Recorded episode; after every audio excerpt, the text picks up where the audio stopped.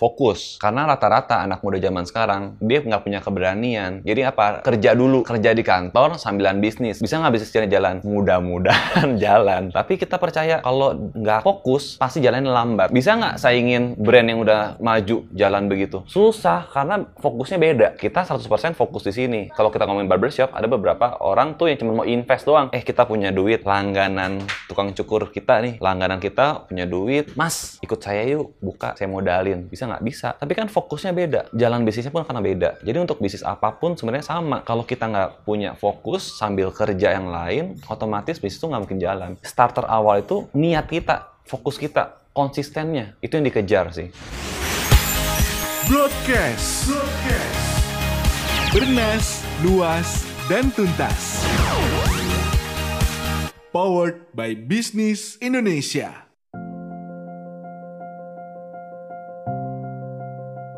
Halo Sobat Bisnis, di episode podcast kali ini kita akan mendengarkan cerita dari perjalanan bisnis Captain Barbershop yang bisa dibilang bisnis ini akan selalu ada dan bertumbuh seiring kebutuhan kita akan penampilan rambut yang maksimal.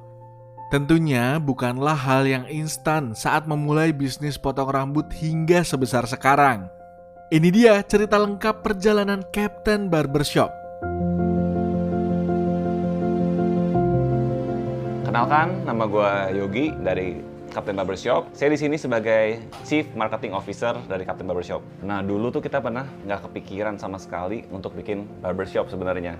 Karena awalnya tuh kita mainnya trading. Kita mulai dari uh, apa jual beli pomade sebenarnya. Nah, dulu itu Indonesia belum mengenal pomade. Kita dulu banyak pakainya gel. Terus kita lihat tuh pemain bola zaman dulu kalau kita nonton TV, semua rambutnya rapi-rapi. Nggak ada yang uh, waktu main bola tuh rambutnya acak-acakan kita penasaran nih pakai apa sih? Nah waktu itu kita tahu oh pomade. Nah kita impor waktu itu. Nah kita impor dan menjamur. Akhirnya tuh pomade di mana-mana di Indonesia tuh laku.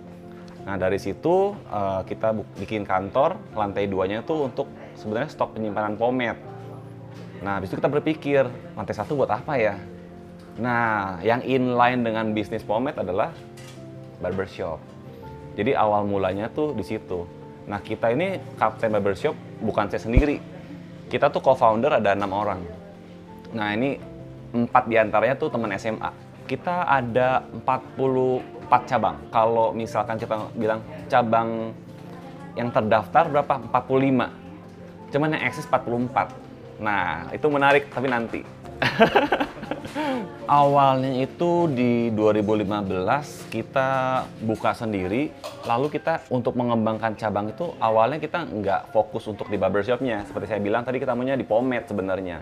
Nah cuma uh, setelah kita buka di cabang yang kedua itu di Palem, itu kita bersama rekan kita, temen lah, teman main gitu ya. Jadi kita mulainya bukan di franchise malah tapi dari teman ke teman. Oh temennya mau buka cabang, kita persilahkan gitu. Dengan sistem waktu itu 50-50 nah dari situ kok rame. Buka lagi teman mau lagi teman mau lagi teman mau lagi. Jadi sekarang itu dari 44 cabang yang punya sendiri itu cuma 8 sisanya itu kita kemitraan. Nah tapi kemitraan kita ini bentuknya adalah kemitraan terpimpin. Jadi mereka tidak ada uh, hak sama sekali untuk ikut campur dalam usaha. Jadi semuanya manajemennya itu diatur sama pusat awal itu kita cuman ada 8 karyawan.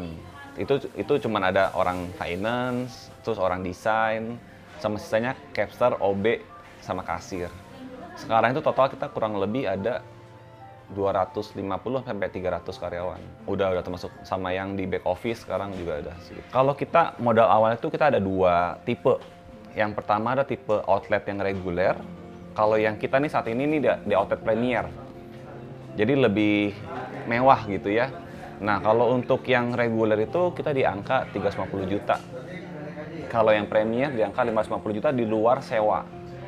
Gitu. Nah, itu uh, semua udah kita atur dari interior, dari peralatan, dari SDM, semua kita yang atur. Nah, kalau kita ini sebenarnya kan bidang jasa. Jasa itu kita nggak bisa berharap seperti kita franchise di F&B yang kita berharap break even poinnya itu bisa kurang dari enam bulan gitu ya. Tapi habis itu matinya cepet juga. Nah, kalau bidang jasa ini nggak bisa ngambil keuntungan tuh di awal sebesar-besarnya tuh nggak bisa. Karena kita butuh yang namanya kepuasan customer, kita nyari pelanggan, pelanggan tuh datang lagi, bawa temennya, bawa keluarganya, sampai akhirnya barber itu bisa berkembang. Jadi kalau bisa dibilang besar, bisa ini bisnis yang bahkan bisa bertahun-tahun gitu ya. Nah, tapi kalau misalkan kita ngomong keuntungannya bisa cepet, enggak. Tapi dia grafiknya tuh naiknya perlahan tapi pasti naik. Jadi kalau bilang usahanya bisa panjang nggak? Bisa banget. Dari bulan Maret tahun lalu, kita tuh pertama kita berpikir akan cepat selesai ketika waktu itu lockdown. Kita pun waktu itu uh, ikutan tutup, walaupun yang di mall-mall belum pada tutup waktu itu. Kita udah tutup uh, kurang lebih tiga minggu, tapi selama tutup itu kita bukannya berdiam diri, kita tuh explore, pelajari COVID ini ada yang bisa kita manfaatin nggak ya untuk tetap usahanya berjalan. Waktu itu kita uh, melihat bahwa ternyata kalau orang pakai masker, yang paling penting tertutup ya area hidung dan wajahnya itu sudah cukup banget untuk adanya perlindungan buat capture kita dan customer. Jadi waktu itu kita buat SOP COVID itu uh, pertama dan dijadikan standar untuk Kemenkes. Jadi Kementerian Kesehatan tuh ikutin SOP-nya kita jadi ketika itu uh, setelah tiga minggu kita tutup, kita buka kembali dan puji Tuhannya customer itu nggak berkurang. Tapi behavior customer tuh berubah. Dulu kita cukur kayak sebulan sekali. Sekarang tuh orang cukur bisa tiga bulan sekali atau dua bulan sekali. Tapi jumlah tamu yang datang dalam satu bulan tidak berkurang. Jadi artinya ada kepercayaan bertambah daripada customer-customer yang belum tadinya customer jadi customer kita. Seberapa parah kita tuh paling nggak parah. Mungkin kalau kita lihat beberapa kompetitor kita ada yang uh, sampai tutup, sampai memulangkan karyawannya gitu ya. Kita sampai detik ini tidak ada karyawan yang dipecat. Bahkan kita tambah cabang. Di pandemi ini dari tahun dari awal tahun 2020 sampai sekarang itu kita nambah kurang lebih 10 cabang ya. Jadi kita bukan tutup, kita nambah. Jadi kita uh, bisa beradaptasi dengan keadaan COVID. Tapi kalau omset ya turun lah, nggak kayak normal ya. Kalau omset, tentu kita nggak bisa samain kayak kondisi awal. Kan tadi sudah bilang, kalau awal tuh orang bahkan ada yang seminggu sekali cukur kalau kayak Premier ini, itu tuh member setahun 750 ribu, itu tuh free cut setahun. Jadi kamu mau datang setiap hari cukur tuh boleh, gratis. Karena dia bayar member setahun di, di awal gitu, kayak nge-gym gitu ya. Jadi ada orang tuh datang lima hari sekali, seminggu sekali. Sekarang nggak sampai segitu, otomatis apa ya omset pasti ada penurunan. Tetapi kita jaga uh, apa ya turunnya itu paling 10 sampai 20 persen. Lebaran kemarin udah kayak normal sebenarnya. Cabangnya sekarang ada di Jabodetabek, eh, Medan, Surabaya, Karawang. Nah iya pengennya sih jadi brand nasional kan. Kenapa? Karena kalau misalkan kita ngelihat Indonesia itu kalau dibanding luar negeri, cukurnya itu murah banget. Kalau murah banget artinya mereka punya penghasilan sebagai tukang cukur juga rendah kan Nah, kalau kita bisa mengekspansi Captain Barbershop dengan kita punya sistem yang bagus gitu ya untuk ke karyawan, uh, kita pengen juga mereka punya hidup lebih maju, lebih sejahtera. Itu sih, itu sih uh, mimpi ke depannya ya. Karena di Captain Barbershop itu yang kerja bukan seperti tukang cukur biasa. Mereka tuh kayak karyawan kita kerja di kantor. Mereka ada BPJS juga, mereka ada tunjangan kawin, tunjangan uh, punya anak gitu ya, lahiran, terus ada juga uh, bonus kerja akhir tahun, THR. Kita sampai bikin uh, sistem seperti itu. Nah bahkan untuk membedakan senior sama yang junior baru masuk, kita juga bedain dari mana? Dari jam potong. Eh, sorry, dari jumlah kepala potong. Kalau pilot kan jam terbang ya. Nah kalau ini dari jumlah kepala kalau misalkan uh, dia Rocky, dia 1 sampai 1000 kepala gitu. Nanti dia ada Grandmaster berapa puluh ribu kepala gitu. Nah, dia punya gaji berbeda, dia punya komisi berbeda, dia punya tunjangan beda, ada uang makannya, ada uang transportnya sampai seperti ini dari dari pengalaman. Kenapa? Karena eh, kadang orang lihat dia kerja di kita, habis itu dapat tawaran dari luar kan wajar ya. Di kita di dunia kerja eh, bajak membajak gitu ya. Eh dapat tawaran di situ, tawaran di situ. Padahal eh, belum tentu di sana lebih baik gitu. Kita eh, berpikir di tempat lain tuh kebanyakan tuh komisi kalau di sisi barber ya. Contohnya eh, 60% untuk yang punya tempat, 40% untuk yang bekerja. Ada juga yang begitu. Tapi setelah eh, kayak lebaran gitu, ada nggak kewajiban untuk THR? Nggak ada, orang nggak ada gaji pokok. Gitu. Jadi mereka cuma melihat uang besarnya di awal, tapi untuk jangka panjangnya tuh nggak ada. Nah, kita tuh pengen yang kerja itu punya masa depan sebenarnya di sini, punya jenjang karir. Habis itu dia punya keluarga di rumah tenang. Nah, kita ada juga namanya apa ya? Garansi.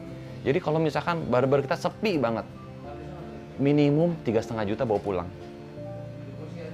Asal sesuai dengan peraturan perusahaan. Gitu. Misalkan masuknya dari 30 hari kerja, masuk 26 hari sesuai dengan aturan ya. Kalau nggak sesuai aturan, otomatis nggak mungkin bisa dapet gitu. Eh, gini, kita sebagai suatu entrepreneurship gitu ya, eh, atau businessman, kita nggak bisa namanya tuh mencegah rezeki orang gitu ya. Dia mau maju, kita tahan-tahan gitu. Enggak silahkan aja ya. Eh, dia udah punya pengalaman di sini, dia punya modal, mau buka sendiri, boleh banget. Nah, eh, cuman apakah eh, penghasilannya sama nggak? Itu belum tentu. Nah, banyak juga yang udah buka sendiri, balik lagi, akhirnya kerja juga di Kapten. Kita penerimaan Capster ada dua nih. Satu itu yang sudah berpengalaman. Nah, itu kita langsung training di training center di Pasar Baru. Kita latih kembali SOP-nya, terus attitude-nya. Karena kalau kita lihat eh, di KT Barbershop itu yang diutamakan tuh attitude. Jadi dalam menyambut customer-nya, terus ajak ngobrol customer-nya, ada batasan-batasan apa yang boleh diobrolin, ada yang nggak boleh diobrolin. Misalkan lagi ngobrol, apa, lagi nyukur, gajinya berapa sebulan itu kan nggak etis ya. Itu sampai hal-hal kayak gitu tuh kita ajarin. Nah terus eh, yang kedua adalah yang belum sama sekali bisa cukur. Itu kita bukanya namanya Kapten Barbershop Academy. Itu dari nol sampai dia bisa Habis itu kita tes lagi untuk kelulusan, baru bisa kerja di kapten. Ini standarnya beda-beda, karena orang punya kemampuan kan berbeda-beda.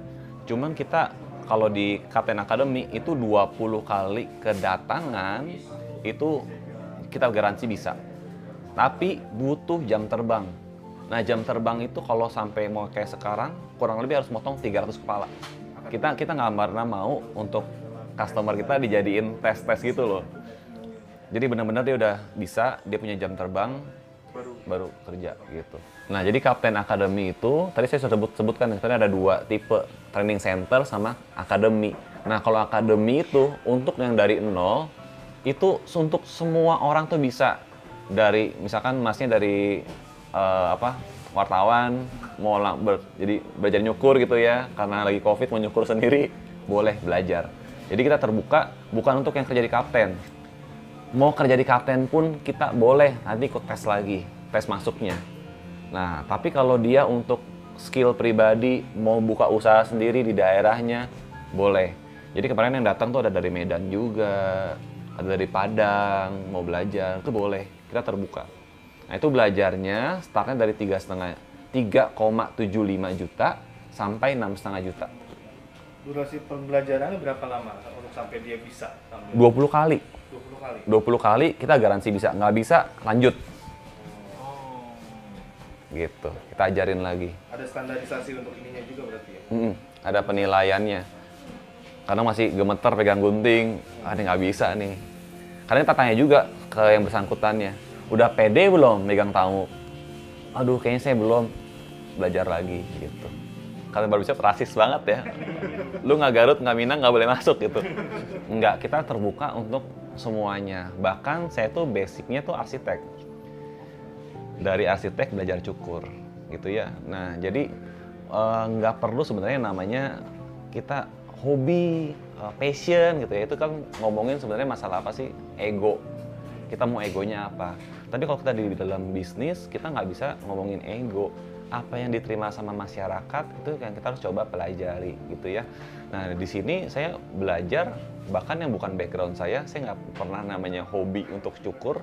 Tapi kalau kita nggak coba gitu ya, kita nggak belajar dan kita nggak tahu gimana kita bisa memajukan bisnis kita, kan gitu. Nah, yang kursus kemarin uh, di kita di sekolah cukur akademi kita di kalian Bookshop Academy itu backgroundnya macam-macam. Dan dari daerahnya macam-macam juga. Jadi nggak harus selalu tentang Garut dan Minang gitu ya.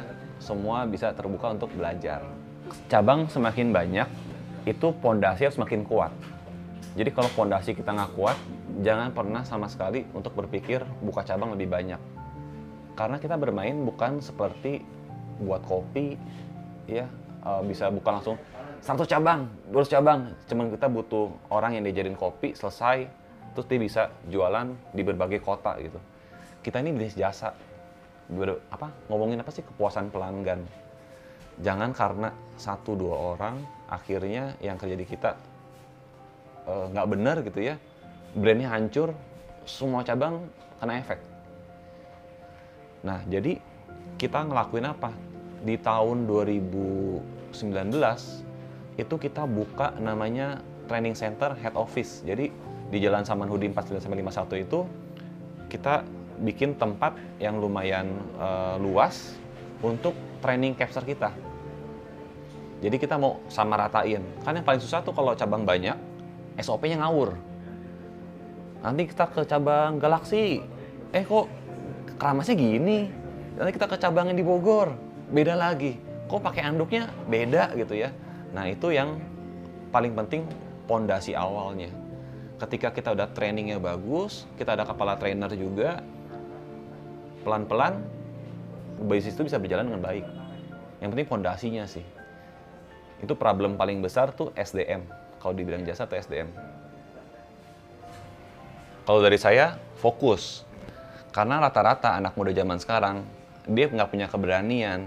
Jadi apa? Kerja dulu kerja di kantor sambilan bisnis. Bisa nggak bisnisnya jalan? Mudah-mudahan jalan. Tapi kita percaya kalau nggak fokus, pasti jalannya lambat. Bisa nggak saingin brand yang udah maju jalan begitu? Susah, karena fokusnya beda. Kita 100% fokus di sini. Ada beberapa, kalau kita ngomongin barbershop, ada beberapa orang tuh yang cuma mau invest doang. Eh, kita punya duit, langganan tukang cukur kita nih, itu banyak juga ya langganan kita punya duit, mas ikut saya yuk buka, saya modalin. Bisa nggak? Bisa. Tapi kan fokusnya beda. Jalan bisnisnya pun karena beda. Jadi untuk bisnis apa pun sebenarnya sama. Kalau kita nggak punya fokus sambil kerja yang lain, otomatis bisnis itu nggak mungkin jalan. Jadi starter awal itu niat kita, fokus kita, konsistennya. Itu yang dikejar sih. Jadi kalau kalau bisnis barbershop itu sebenarnya udah termasuk kebutuhan ya, kebutuhan daripada uh, lelaki ya. Karena kita itu di Indonesia sangat-sangat ketat terhadap penampilan. Dari kecil aja dari sekolah ngalamin nggak ya rambut lebih dari alis itu dipotong sampai sebegitunya. Jadi mau nggak mau kalau budaya itu nggak pernah hilang ya barbershop pasti tetap akan jalan sih. Jadi uh, kebutuhan selain makan, sandang pangan papan gitu ya, kebutuhan penampilan itu sekarang juga menjanjikan sih. Jadi kita sekarang barbershop yang utama malah. Nah, pomade itu kita sekarang jadi pecah PT. Jadi anak PT. Nah, itu ada di uh, PT PPIS namanya. Nah, itu untuk support bukan barbershop kapten aja, tapi semua barbershop bisa beli produk kita gitu. Bahkan di beberapa uh, apa namanya? market-market yang ada di mall itu udah ada juga kapten. Nah itu bikin brand sendiri sekarang. Kalau dulu kan impor. Nah sekarang jadi bikin brand sendiri. Jadi kalau kalau saya tuh punya pandangan, kalau misalkan bisnis itu tidak ada kompetitor, itu tuh udah kayak warning. Ini bisnis lagi lagi surut nih. Berarti jangan masuk gitu ya. Kecuali misalkan bisnis ini unik nggak ada yang coba gitu ya. Tapi kalau abis itu ada kompetitor tuh mesti seneng sebenarnya. Karena kalau kita nggak ada kompetitor, saya juga yakin kapten tuh nggak bisa sebesar ini. gitu karena ada kompetitor kita ngerasa ih dia bisa lebih maju kita pengen lebih maju lagi dia baik kita pengen lebih baik lagi kan begitu ya nah jadi kalau misalkan ada teman-teman di luar sana yang mau untuk ikutan KTM barbershop apa ikutan bisnis barbershop silahkan. Kita pengen banget justru ada apa ada kompetitor. Jangan pernah takut ih lawan gua Kapten Barbershop nih udah 45 cabang gitu ya. Nggak tentu juga eh, nggak bisa berkembang. Banyak kok barbershop barbershop yang berkembang. Tapi intinya apa sih? Jangan selalu tentang apa? Tentang uang. Jangan selalu tentang apa? Tentang keuntungan. Kita bisnis barbershop ini masalah apa masalah relasi kita menjalin hubungan dengan customer kita. Kita menjalin hubungan dengan para follower-follower kita di sosial media juga. Jadi nggak bisa bisnis tuh seperti zaman dulu. Kita punya kemampuan bikin aja kecil-kecilan gitu. Sekarang kan udah nggak bisa begitu. Kita harus maju juga ikutan sosmed juga kita bikin konten juga. Kita mengedukasi customer kita juga. Kalau dari sisi Katen Barbershop mengagumkannya itu ada beberapa poin view ya sebenarnya kalau dari sisi poin perusahaannya kita tuh kagum banget dari yang tadinya sekian karyawan kecil gitu ya sampai sekarang 300 karyawan ada yang menikah terus punya anak sekolahin anak itu tuh eh gue siapa sih? gitu ya. Bisa tiba-tiba eh, bagi berkat ke orang-orang yang tadinya mungkin eh, di kampung nyukur sekarang tuh udah bisa nikahin anak orang gitu ya punya anak sekolahin beli rumah gitu. Wah ada capital kita malah beli mobil. Itu wih bangga juga ya kagum gitu. Nah itu dari sisi eh, apa ya sebagai perusahaan gitu ya. Tapi dari sisi brand kita juga mendapatkan eh, apresiasi juga dari Instagram. Kita satu-satunya barbershop yang centang biru verified itu juga kemarin pencapaian juga sih